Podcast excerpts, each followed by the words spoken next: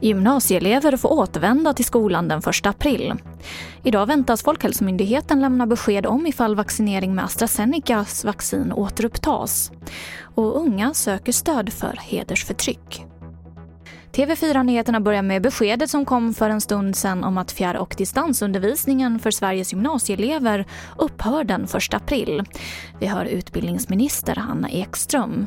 Idag meddelar vi att Folkhälsomyndighetens rekommendation om den blandning av fjärr och distansundervisning och närundervisning som gäller för gymnasieskolan och som gäller till och med den 1 april inte kommer att förlängas.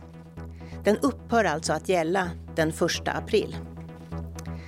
Det här kommer nog att ses som ett glädjebesked för många gymnasieelever och det glädjer förstås också mig. Men ingen ska tolka detta som att vi blåser faran över.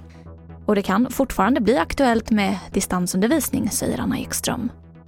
Naturligtvis gäller även i fortsättningen att gymnasieskolorna och också högstadiet kan och bör använda fjärr och distansundervisning för att undvika trängsel i skolans lokaler, för att undvika trängsel i kollektivtrafiken.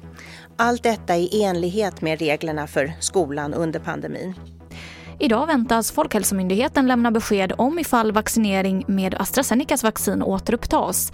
Flera europeiska länder har redan dragit igång vaccineringen igen. Och I natt släppte läkemedelsföretaget nya siffror som visar att vaccinet är 76% effektivt.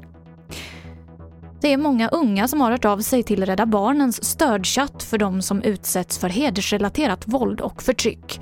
Organisationen pekar ut isolering som pandemin innebär som en del av ökningen. Och enligt polisen så har man under året fått in 1400 ärenden. Och jag avslutar med att berätta att OS-facklan nu är på väg till Tokyo. Under natten så har den 121 dagar långa fackelstafetten inletts och ungefär 10 000 olika löpare ska turas om och springa med facklan genom Japan innan den då kommer till Tokyo i tid till OS-invigningen i juli. Och det var det senaste från TV4 Nyheterna. Jag heter Emily Olsson.